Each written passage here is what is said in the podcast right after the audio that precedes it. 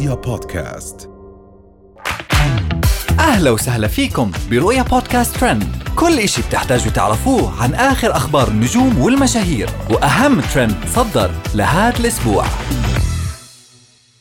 نقل فوز الفهد للمستشفى بعد إصابتها بكورونا أثناء الحمل.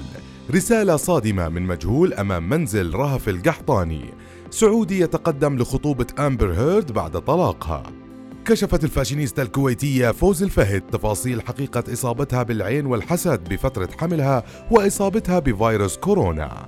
وشاركت المتابعين بفيديو بطمنهم فيه على صحتها وبتوضح الأمر اللي أصابها وحالتها الصحية اللي كانت سيئة بسبب إصابتها بالعين حسب ما صرحت. ومن فوز الفهد لرهف القحطاني اللي استلمت رسالة مجهولة المصدر من أمام منزلها. حيث وجدت المدونة الشهيرة رهف القحطاني رسالة من مجهول أمام باب بيتها وكان محتواها صادم.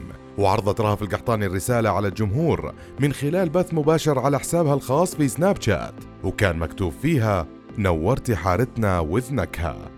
وبعدها اتهمت رهف القحطاني صاحب الرسالة المجهول بقطع رزقها وسرقة حسابها على تطبيق واتساب اللي قدرت ترجعه بعد يومين من سرقته.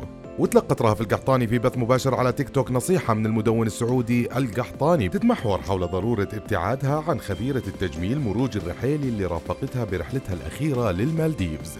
معتبر أن مروج أثرت بشكل سلبي على صورة رهف. ومن رهف ورسالتها المجهولة راح ننتقل لأخبار العالم ونرجع لأمبر هيرد. حيث تداول رواد ال social media رسالة صوتية أرسلها شاب سعودي إلى النجمة الأمريكية أمبر هيرد. يعرض عليها الزواج بعد أزمة خسارتها في المحكمة أمام طليقها النجم الأمريكي جوني ديب. ووجه الشاب رسالته الطريفة لأمبر هيرد بعد ما دلعها بأمبورتي وحكى لها ما عاد لك غيري قررت أتزوجك واستر عليكي واعتبر الشاب السعودي أنه أفضل من جوني ديب اللي كان جوزها. وهاي كانت أهم أخبارنا لليوم. بنشوفكم الحلقة الجاي. رؤيا بودكاست.